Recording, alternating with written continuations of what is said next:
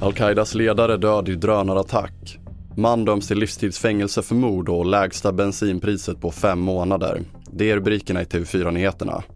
Men vi börjar med att Al-Qaidas ledare Ayman al-Zawahiri dödats i en amerikansk drönarattack i Afghanistans huvudstad Kabul. Al-Zawahiri tog över efter bin Laden och ska bland annat ha varit med och planerat attackerna mot World Trade Center.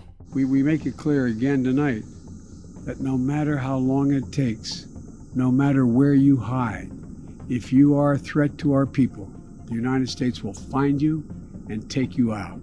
Det sa USAs president Joe Biden och mer om detta på tv4.se.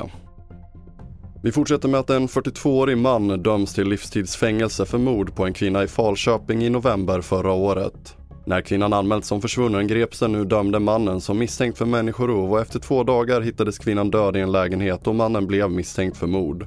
42-åringen har tidigare fått rättspsykiatrisk vård men en ny undersökning visar att han inte har någon allvarlig psykisk störning.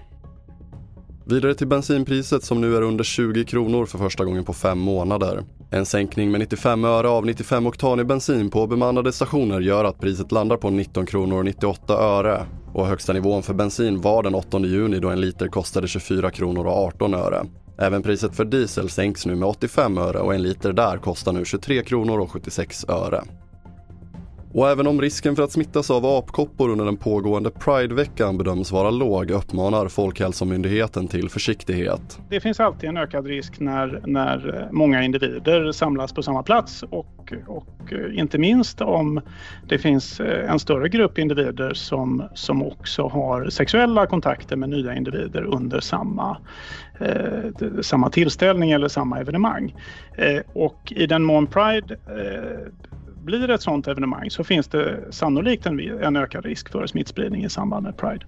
Det säger Erik Sturegård, sakkunnig läkare på Folkhälsomyndigheten.